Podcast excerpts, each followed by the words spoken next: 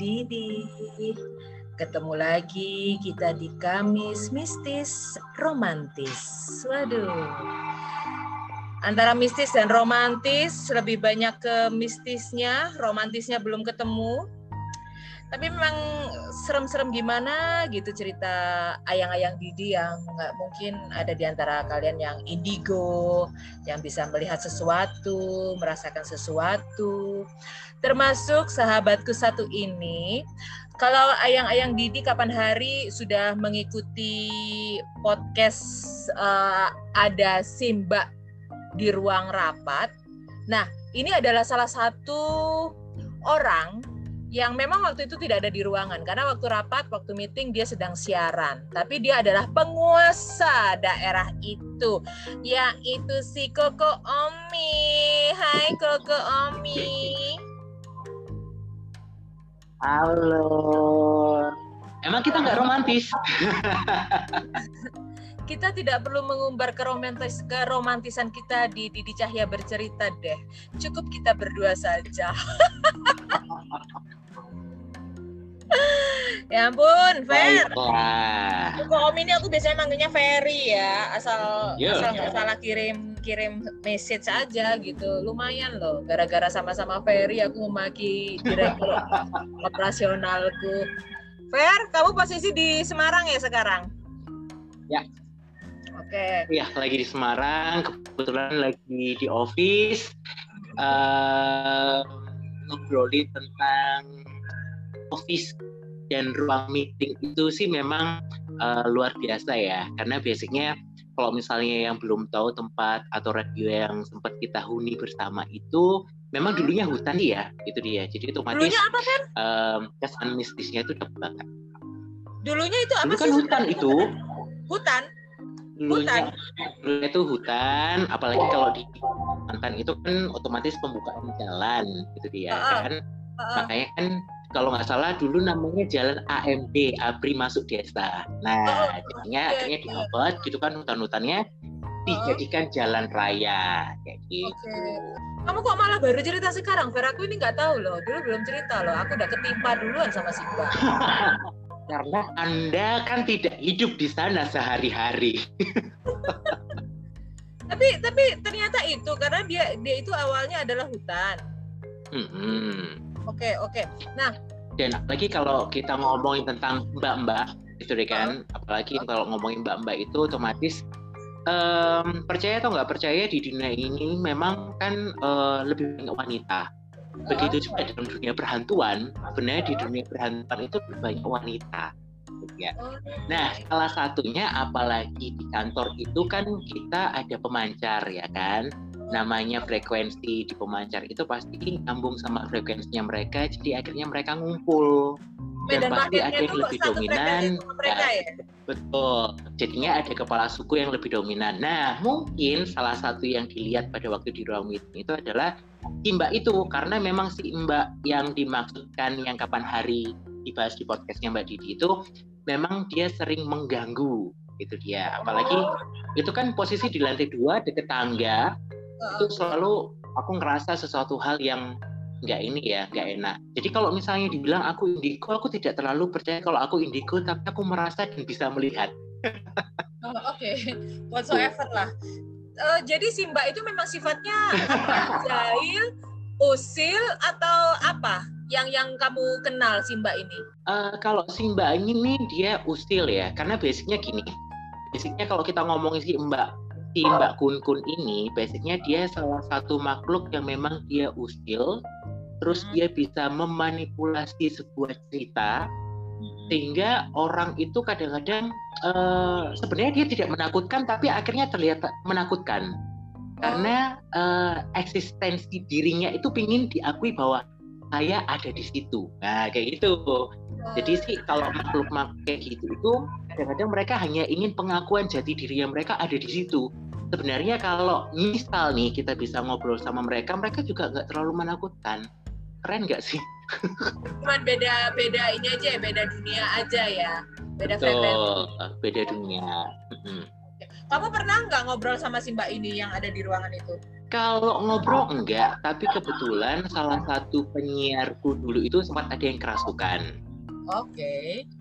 Sempat ada yang kerasukan, terus habis itu um, ya sih nggak nggak nggak ngobrol banyak. Ini adalah pada waktu kerasukan itu dia sempat ngobrol bahwa ini wilayahku. Hmm. Karena memang balik lagi mungkin ya itu dulu hutan tiba-tiba dijadikan sebuah uh, jalan dan itu kebetulan office itu kan ruko. Nah, kita kan nggak tahu nih pada waktu pembukaan lahan ataupun ruko itu dibangun uh, apa sudah ada izin untuk ke mereka, mungkin selamatan atau apa kan kita nggak ngerti. Karena ya mereka sih itu tempatnya mereka, walaupun itu sudah jadi tempat yang kita huni manusia maksudnya ya. Tapi bagi mereka ya kalian adalah tamu yang mengusik kita. Nah, gitu juga sebaliknya kita sebagai manusia kalian sebagai makhluk kayak gitu itu kalian mengusik kita. Sama-sama sama-sama menurut kita masing-masing itu gitu. Saling mengganggu sebenarnya. Rasanya seperti itu ya tapi sebenarnya oh. e, mereka lah tuan rumah karena mereka sudah duluan di situ kita yang datang nah, belakangan. jadi sistem bagi mereka ya dia pingin kita permisi yeah. ke mereka juga ya sama kayak kehidupan kita masing-masing di dunia yeah. ini kalau misalnya kita mau bertamu pasti otomatis assalamualaikum permisi ataupun kenalan ya kayak gitu apalagi waktu itu aku ngelempar tas ke tempatnya mbak si mbak nongkrong ya makanya dia ngamuk ya Fer mungkin uh, mungkin salah satunya mungkin salah satunya kan mereka tuh bisa melihat kita itu perwujudannya lewat frekuensi kita juga mungkin uh -uh. di saat itu mbak Didi lagi capek jadinya otomatis lebih sensitif sehingga akhirnya Mbak Didi uh, juga bisa melihat responnya dia. Jadi mereka itu makanya kalau kalau misalnya kita bisa melihat ataupun merasakan kehadiran mereka itu memang di saat kita mungkin capek lagi sakit atau mungkin badan kita lagi drop itu kita lebih gampang untuk melihat kayak gitu. Karena memang uh, balik lagi mereka frekuensinya ke kita di saat kita drop sih kayak gitu gitu. Iya sih kan waktu itu kan kita udah jam 11 malam aku dari Jawa gitu kan. Yang oh. tahu-tahu aja jam 11 itu 11 uh, Bita ya meeting itu kan sesuatu yang yang benar-benar di badan itu udah udah capek sebenarnya. Dan habis itu tuh apa ya aku tuh capek banget Fer. Emang kayak gitu ya reaksi kita kalau terjadi sesuatu seperti itu? Capeknya tuh luar biasa loh Fer malam itu karena memang di saat kondisi kita capek ataupun apa ya uh, kita sakit atau badan kita drop itu uh, uh, otomatis kesadaran kita kan sebenarnya berkurang tuh. Apalagi kalau capek otomatis kan nggak 100% nih gitu kan. Akhirnya nyambung sama frekuensinya mereka. Jadi akhirnya ya udah ketemulah itu dia. Kita kita melakukan sesuatu apa impactnya bisa kita rasakan Ya aku merinding, Fer. ya apa gitu. Makanya beda beda kalau misalnya kayak kayak orang-orang yang bisa merasakan, bisa melihat itu memang kondisi badannya mereka sih stabil tapi memang mereka punya kebutuhan apa ya eh, kekhususan sendiri akhirnya mereka bisa merasakan walaupun kondisi badannya mereka sih fit tapi nggak enaknya kalau kondisi kayak aku kayak teman-teman yang indigo lainnya di saat badan kita drop itu benar-benar walaupun tanpa kita sadari mereka selalu terlihat dan mengganggu. Itu dia. Oh. jadi nggak kekontrol. Itu dia. Jadi kalau misalnya ada ya ya nggak menutup kemungkinan ya banyak dari teman-teman sahabat-sahabat dan bahkan mbak Didi juga sering gitu kan. Tolong dong liatin tolong dong liatin. Kalau kondisi fit aku lagi males gitu. Ah males lah gini gini tapi kalau misalnya kondisiku lagi drop walaupun tanpa diminta ya udah kelihatan ya kayak kehidupan kehidupan kehidupan manusia sehari-hari ya kelihatan. Oke oke. Nah selain Mbak itu ya Fer, di ruangan itu ada siapa aja sih? Kan ya aku membaginya gini, di ruangan kita meeting itu, terus ruangan produksi, uh, ruangan siaran, tangga sama uh, pemancar. Itu ada siapa aja di situ? Kalau di runut sebenarnya aku runut dulu lantai satu ya. Kalau di lantai satu itu sebenarnya kan lantai satu itu ruang resepsionis, terus habis itu dipisah sama ruang kerja. Oh. Sebenarnya uh, lantai satu nggak ada masalah, itu dia. Ya ada, tapi mereka nggak ganggu, itu dia. Oh, Tetapi di lantai dua, kebetulan kalau di lantai dua itu memang jarang penghuni. Siarannya kita kan lebih banyak typing, gitu kan. Jadi otomatis memang kita jarang melakukan aktivitas di lantai dua Nah, yang dominan pasti Mbak itu kalau di ruang meeting itu sebenarnya di ruang meeting sama produksi jadi satu, sebenarnya itu ada kakek-kakek sebenarnya. E, ibarat kata dia sesepuhnya situ. Tapi hmm. sih dia nggak ganggu. Dia senang dengan aktivitas yang kita lakukan. Dia suka ya, aku jadi merinding loh. Dia suka. Uh, kan? Aku juga merinding, Fer. Dia suka di tangga. Ini kayak kita recall Jadi, apa ya memori uh, kita 11 tahun lalu loh, Fer. Oh, oh, iya benar. Itu kita ketemu 2009 aktivitas 2009 2010 ya kan. Ya. Jadi kalau kakek-kakek itu dia lebih seneng untuk jalan-jalan dari an maksudnya warawiri antara produksi sampai ke tangga kayak gitu. Dia kayak satpam gitu loh. Okay. Tetapi kalau si Mbak yang dimaksud itu dia memang stuck di depan ruang pemancar itu gitu dia. Oh. Oke. Okay ada kakek, ada mbak, dan teman-temannya. Nah, dan teman-temannya kalau teman-temannya sih nggak nggak ada masalah. Tapi yang dominan si mbak sama kakek itu ya? Si mbak sih, karena oh. uh, aku dulu kan siaran malam dari jam 10 sampai jam 12 malam gitu kan. Oh. Itu kerasa banget aku ditemenin. Oh. Ditemenin gitu loh. Ya, aktif ya, sebenarnya ya, gini. Ya. Uh, jadi jadi dia dia juga sebenarnya sosok yang pendiam kemungkinan reaksi yang diberikan ke Mbak Didi itu karena memang pada waktu itu frekuensinya Mbak Didi lagi nggak enak. Itu dia entah itu capek lagi banget. kacau. Uh -uh. Uh -uh, capek. Terus habis itu mungkin kelakuan tanda kutip ya kelakuannya Mbak Didi ke ruangan mereka atau ranahnya mereka ngelempar tas kayak gitu kan ibarat kata kurang ajar nih bagi mereka gitu. Ini siapa sih? Orang baru kok gini. Nah kayak gitu. Tapi kalau sama kita kita khususnya kalau aku ya yang rasa sebenarnya dia sudah bersahabat sih dengan kondisi. Oh, jadi temen ya nemenin kamu siaran ya. nemenin kamu tapping. oh gitu. Nah itu dia. Oke oke oke. Nah kembali lagi ke lokasi itu yang dulunya hutan terus dibuka menjadi jalan dan akhirnya menjadi ruko dan tentu kan banyak dong uh, teman-teman dunia maya dunia maya dalam uh, artian maya goib ya itu berarti apa wujudnya sering ada di situ apa apakah juga ada Mas Poci atau Mbak Kunti atau Mas Gondo atau gimana Ap apa aja yang ada di sekitar situ Fer? Oke okay. kalau oh. ini kita ngomongin ya, ya karena otomatis lebih banyak wujudan yang binatang-binatang gitu. Oh, pengaruh ya. Jadi jadi pengaruh pengaruh juga dari bentuknya itu, ya. Uh, Betul.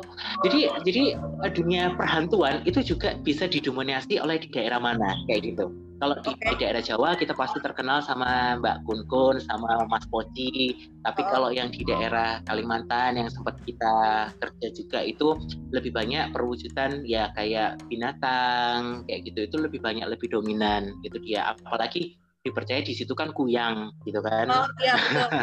betul, betul, betul. Itu yang lebih sangat menakutkan karena kalau kuyang itu kan definisinya adalah uh, setengah manusia dan setengah perhantuan tuh kayak gitu. Betul, karena betul. mereka kan dipakai. Gitu juga dengan sosok kayak pocong kayak gitu. Orang percaya kalau pocong itu adalah hantu orang yang sudah meninggal jadi pocong. Sebenarnya sosok pocong itu adalah sosok yang dihidupkan kembali untuk pesugihan. Misal kayak misalnya buka buka toko oh. ataupun untuk penglaris kayak gitu. Jadi sebenarnya oh. itu nggak nggak semua nggak semua orang meninggal jadi hantu jadi hantu pocong enggak.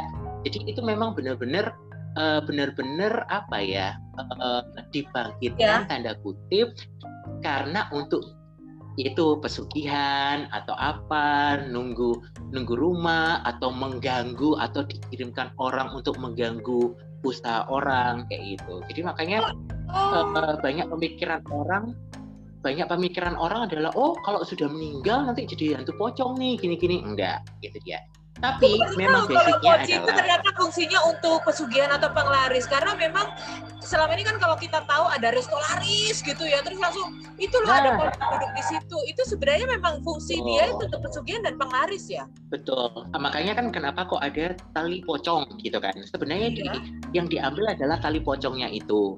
Itu salah satunya mungkin misal nih untuk menglaris dimasukkan di kuahnya kayak gitu kan. Itu bisa terjadi atau bahkan uh, memang benar-benar uh, apa ya jadi kalau misalnya kita mau ke orang pintar order itu bisa mau pocongnya berapa nih? Kayak itu bisa. Itu oh, dia jadi okay, okay, makanya Uh, banyak sekali cerita-cerita yang ngomong bahwa kalau ketemu pocong mereka minta dibukain tali pocongnya. Itu memang benar. Maksudnya begini dibukain itu agar mereka dia terbebas dari uh, perbudakannya mereka. Sebenarnya mereka juga nggak mau Karena basicnya setelah orang itu meninggal, kan otomatis uh, mereka pasti ingin pulang ke ke alamnya yang tenang gitu kan. Tapi gara-gara diganggu, diambil tali pocongnya, mereka kan jadi budak akhirnya. Dan mereka nggak suka sebenarnya. Ya. Jadi uh, apa ya? Karena memang basicnya aku pertama kali bisa melihat itu adalah adalah pocong. Jadi makanya kalau aku bilang uh, pocong itu nggak serem kalau buat aku. Karena aku tahu historinya mereka. Sebenarnya mereka itu kasihan. Mereka itu diperbudak. Mereka itu tidak menghantui tapi mereka itu minta tolong. Ya tapi namanya manusia ya. Ketemu pocong siapa yang tidak takut? Oke oke iya ya takut lah ngeri aja segala keluarga gue ketemu pocong juga lari fair nah itu dia. Jadi makanya uh, mungkin ini juga bisa jadi membuka mindset ya Eh, orang-orang uh, oh pocong itu ternyata seperti ini. Jadi jadi nggak nggak semua nggak semua uh, uh, orang meninggal terus pasti otomatis dia hantunya jadi pocong. Enggak kayak gitu. Karena makanya mungkin dalam sebuah kepercayaan misal agama Islam kan selalu di, ditekankan oh talinya udah kebuka semuanya enggak nah itu biar agar tidak disalahgunakan kayak gitu. Karena memang untuk yang kayak gitu itu mereka memang mencari si tali itu yang belum kebuka Oke oke oke oke.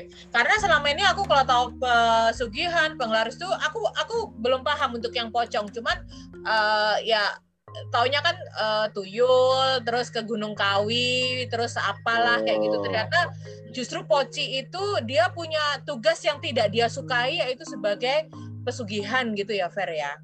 Betul. Okay. mungkin aku boleh cerita di salah Ayo. satu daerah yang sempat aku juga tinggal itu malah ada terkenal mie ayam pocong. Hah? Maksudnya? Jadinya itu semua. Jadi gini, semua satu kota itu udah tahu itu dia memakai pesugihan dan penglaris gitu. Nah, akhirnya kan aku nggak ya penasaran begitu kan. Datanglah ke tempat itu karena konsepnya orang selalu bilang kalau pakai uh, penglaris kalau dibawa pulang nggak enak gitu kan. Aku oh. coba, aku bawa pulang memang ternyata rasanya nggak enak akhirnya aku datang sama temanku yang bisa sama-sama sama-sama lihat kita konsentrasi ya kan konsentrasi.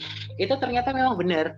Itu uh, dia itu uh, pakai dan tali itu tali pocong dan pocongnya itu ada. Jadi konsepnya adalah merasa enak karena kita duduk itu di bangku sama pocong itu. Kayak gitu. Jadi itu beneran ada ya? Itu beneran ada.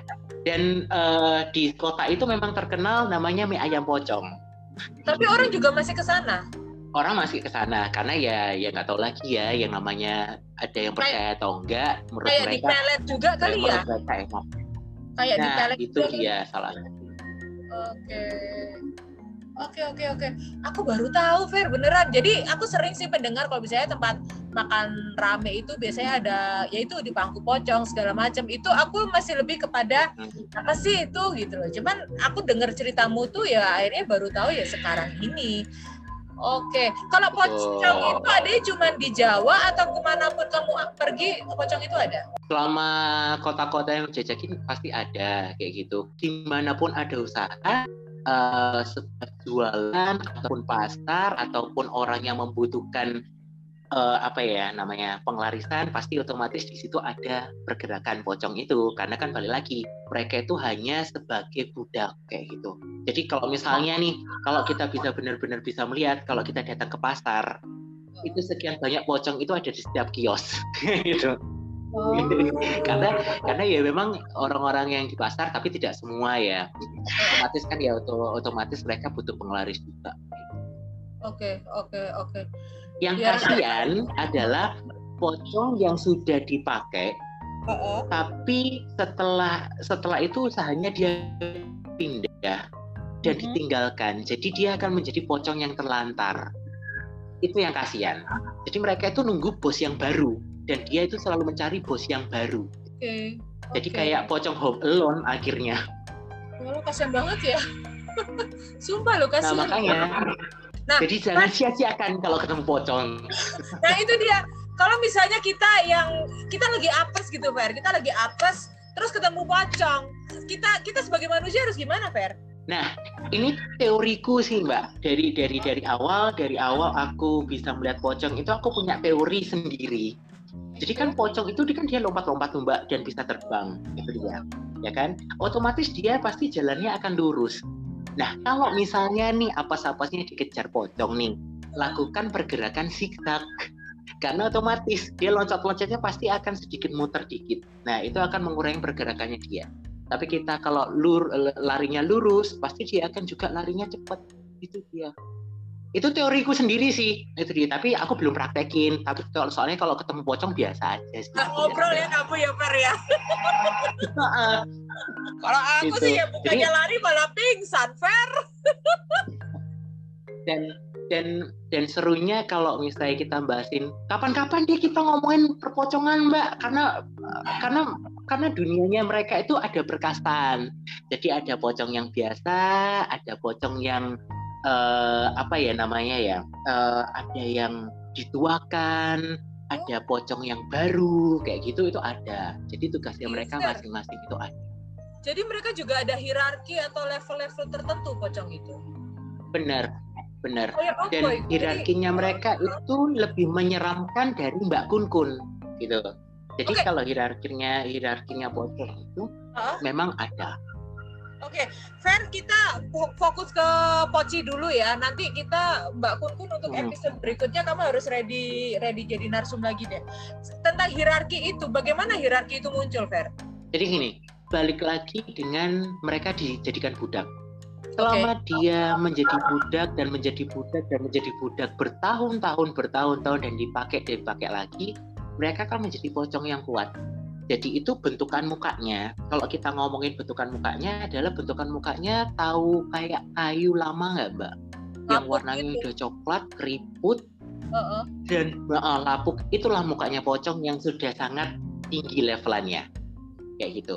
Dan tingginya mereka bisa sangat tinggi sampai 3 meter. Oke, itu Dan yang itu ya. biasanya kalau misalnya kita ke orang pintar. Yang senior dan itu harganya mahal. Kalau misalnya kita datang ke apa namanya, kita datang orang pintar, order kayak gitu, itu yang harganya sangat mahal. Terus kalau misalnya untuk sekedar hanya sebatas eh, penglaris ataupun pocong itu juga bisa di di apa ya dipakai untuk jaga rumah. Itu biasanya dipakai adalah pocong-pocong yang baru kayak gitu, Oh, yang masih kelihatan mukanya kayak gitu.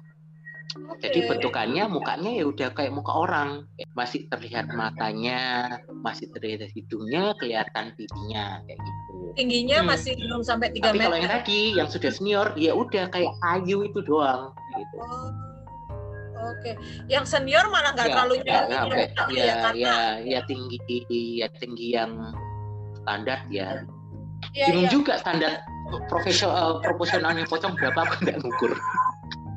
Jadi sebenarnya eh, paranormal juga ada yang mencari dan memelihara pocong untuk dijual.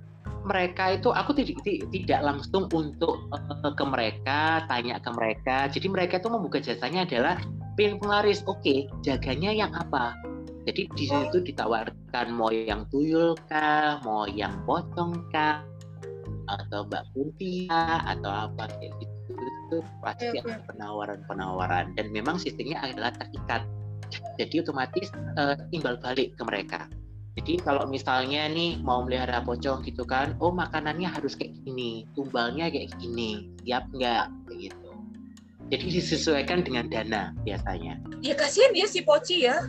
Jadi jadi dieksploitasi oleh manusia untuk pesugihan. Betul. Dan tanpa disadari perhantuan hantu-hantu itu ya kasihan. Satu, dia diterima di alamnya kayak gitu kan. Dia masih gentayangan. Tetapi dia dia, dia di, untuk menjadi budak untuk memperkaya manusia-manusia yang eh, kaya secara instan kayak gitu ya. Kayak kayak tuyul lah kayak si Mbak Kun Kun kayak Poci sebenarnya mereka itu diperbudak aja gitu loh. Karena dilihat oh mereka gentayangan gini-gini direkrut lah akhirnya Fer, kita kan waktunya terbatas nih. Jadi ya, untuk ya. episode ini kan kita bicara tentang pocong aja. Hmm. Ada lagi nggak yang bisa kamu highlight dari pocong ini yang aku dan ayang-ayang Didi belum tahu. Sekaligus mungkin untuk closing statement kamu di episode ini, Fer. Aku mungkin uh, highlightnya bukan perkara pocongnya, tapi perkara overall perhantuan. Jadi gini, Uh, mereka itu tahu kalau kita takut. Okay. Dari auranya kita mereka tahu kita takut. Jadi di saat kita merasa merinding, kita merasa takut, balik lagi kekuatan doa itu nomor satu. Karena kenapa kita itu makhluk yang lebih sempurna daripada mereka. Jadi kalau misalnya takut, jangan sampai tambah takut lagi karena mereka akan bisa ngikutin. Itu dia. Semakin kita takut, semakin di mana pun, dia ya. Di mana pun um, kita berada, benar. Dan di saat memang benar-benar kita takut dan mereka senang dengan ketakutan kita, dia bisa nempel ke kita, kayak gitu. Nempel dan akhirnya bisa hidup berdampingan sama kita sampai di rumah. Ikut dia ya karena tahu oh, orang ini takut nih, aku tak melok gitu ya dan kadang-kadang mereka tuh milih loh misalnya mereka suka dengan seseorang dia ngikut loh. Jadi uh, di rumahku kamu kamu pernah ke rumahku kan Fer? Yeah, kan banyak yeah. ya makanya memang uh, kekuatan doa itu nomor satu. Ya kayak uh, pesan dari orang kita orang tua kita mulai kecil kalau ke mana-mana itu doa uh, terus habis itu yang utama juga setelah kita bepergian ke mana pun paling enggak kekuatan wudhu itu nomor satu. Bersih bersih dan sebagainya karena karena dengan air itu yang kita percaya bisa membersihkan tubuh kita itu ternyata juga bisa membersihkan hal-hal yang nempel yang negatif-negatif. Oke, oke, oke, oke, oke, oke. Kalau dalam Islam berarti kan ada menjaga wudhu. Kalau kamu Katolik apa, Fer? Uh, sama sih, karena basicnya kalau aku sendiri aku percaya kayak kalau misalnya kita lagi emosi, kalau aku lagi marah, cuci muka itu kayaknya udah seger gitu kan. Nah terus habis itu kalau misalnya kebiasaan aku kalau habis pergi ke mana pun, aku selalu mandi gitu kan. Pokoknya uh, aku nggak mau baringan dulu, pokoknya aku mandi dulu karena itu bisa ngelunturin mereka-mereka ataupun hal negatif yang nempel ke kita. Karena kita nggak tahu siapa yang nempel ke kita, jadi otomatis ya udah dengan cara kayak gitu kita bisa jaga diri jadi sebenarnya uh, apa namanya protokol kesehatan itu tidak hanya berlaku pada virus-virus ya termasuk COVID-19 ya. Sebenarnya untuk hal, -hal seperti itu oh. bisa itu melunturkan ya Fer ya. Itu kenapa kita masuk rumah mau istirahat mau tidur lebih baik dalam keadaan bersih gitu ya Fer. Bener. Oke, okay, oke, okay, aku aku mendapatkan new insight tentang perhantuan ini karena semakin aku takut, semakin aku lari dari sini, semakin aku nggak kenal. Kalau nggak kenal jadi jauh lebih takut lagi ya. Dan aku berharap sih bukan karena aku sudah tahu cerita dari kamu terus ketemu nggak, nauzubillahimin zalik ya. Tapi paling nggak uh, ayang-ayang dikit nggak. Atau mau dikirimin? Mau mau mau mau mau nggak mau Fer. Tahu nggak sih? YouTube ini aku kan pakai background YouTube ya. Ini tadi ada frekuensi-frekuensi yang agak ganggu loh. Yang aku pikir ini tidak masuk ke frekuensi telinga manusia normal loh. Aku ngerasa gitu nggak tahu kamu ngerasa atau enggak ini udah aku udah mulai halu nih kayaknya untuk edisi ya memang harus ditutup sampai di sini. Tapi benar Fer. Mungkin kamu akan kujadikan narasumber tetap untuk urusan ini ya karena aku masih penasaran tentang Mbak Kunti tentang Mas Gondo ya. Terus aku juga hmm. ini kan musim hujan ya Fer ya uh, tentang perpawangan tuh aku juga kepengen tahu Fer. Jadi uh, di mistis romantis itu sebenarnya tidak semata-mata Jadi tidak semata-mata tentang horor Fer, tapi terkait juga dengan mitos tentang hmm. ya hal-hal seperti itu jadi nggak cuman persetanan dan aku pikir kamu adalah salah satu orang yang bisa aku ajak collab untuk kami mistis romantis ya kamu mau kan collab sama aku Fer okay. kalau ke Surabaya calling calling dong Fer biar Boleh kita lah paling nggak ini kan ini. Nah, boleh boleh. Paling enggak kan aku membagikan ilmu pengetahuan perhantuan. Betul, betul, betul. Enggak maksudku uh, lebih kepada uh, yaitu kita semakin takut karena kita tidak tahu dan kita tidak kenal dan aku sih oh ternyata ya. begini, ternyata begitu. Oh ya sudah, memang dia ada di sekitar kita, kita hidup berdampingan dengan beda frekuensi, kita terima saja kondisi itu dan kita persiapkan diri kita untuk kalau sewaktu-waktu menghadapi hal itu ya Fer ya. Semoga enggak lagi deh. Aku agak takut loh kalau ketemu sama kamu sama Mas mantan itu karena mereka kan kamu dan dia itu kan sama-sama indigo. Kalau indigo tuh kayak energinya tuh kayak mancing gitu Fer. Tahu nggak sih? Paham ya? Aku kan orang awam yang nggak ngerti benar, dan benar, benar, apa benar, gitu. Tiba-tiba kok kok aku kerasa sih? Dan itu selalu kerasa kalau uh, ya ada kalian-kalian itu.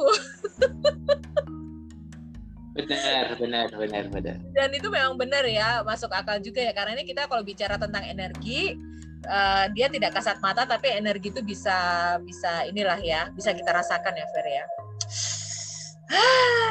Senang sekali.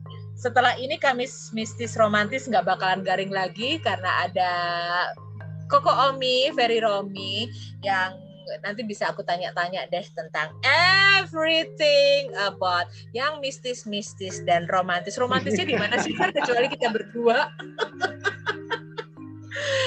ya wes. Fer, ini permintaanku ya. Uh, boleh nggak kalau misalnya kamu libur, kamu libur nganggur, aku dikontak atau Mbak aku lagi nganggur nih, yuk bikin konten. Karena agak serem juga kalau ngambil konten pas maghrib maghrib gini malam Jumat juga, ini rada serem Fer. Sumpah. Oh, Oke okay deh siap. Tapi tapi kalau ngomongin kayak gini lebih enak malam karena auranya lebih berasa sebenarnya. Ya brengsek lu. Halo, nuansanya berasa. Gue pingsan, Ferry. Udah deh, nanti kita kontak-kontak lagi deh. Uh, jangan ditutup dulu ya, Fer. Aku okay. mau pamit dulu sama ayang-ayang Didi. Aku mau closing dulu. Jadi ayang-ayang Didi di Kamis Mistis Romantis untuk hari ini selain menyambungkan aku sempat menjanjikan tuh waktu di episode Simba ada di ruang rapat itu nanti deh aku aku cross check sama temanku yang ada di situ udah di cross check sama Ferry dan kita menambah pengetahuan baru tentang pocong. Seperti tadi disampaikan bahwa sebenarnya kasihan juga pocong itu kadang-kadang dia dikaryakan eh, oleh manusia untuk pesugihan segala macam. Tapi yaitu Anda mau percaya silahkan, mau nggak percaya terserah walau alam. Jadi aku juga nggak ngerti ini seperti apa. Tapi jadi karena ini untuk pengetahuan untuk kita semua oke? Okay? nanti nantikanlah Kamis mistis romantis berikutnya akan aduh ya Allah Fair please ya jangan malam-malam jangan maghrib-maghrib ya Fair untuk take voice-nya ya. Aku merinding aku merinding ini gak ada lucu-lucunya udah aku ngeri yaudah yang yang Didi uh, kalau kalian juga punya cerita ingin dibagikan langsung aja DM ke Twitter di @didicahya atau uh, di Instagram boleh di Didi Cahya juga. Kalau di Facebook langsung aja kalian ke Ning Dia. Ingat Ning Dia yang profile pic-nya jutek. Jadi kalau ada perempuan yang namanya Ning Dia tapi dia tersenyum centil dan leceh itu bukan akun Facebookku. Oke, sepakat? Mari kita tutup untuk hari ini ayang-ayang Didi versi goodbye dong untuk ayang-ayang Didi. Oke, okay, goodbye semuanya. Kita sambung lagi kapan-kapan ya. Siap dengan Mbak Kunti dan teman-temannya. Aduh ngeri. Ya udah yang yang Didi. Oh. Dulu ya. Nanti kita sambung lagi obrolan-obrolan kita di Kamis Mistis Romantis. Bye.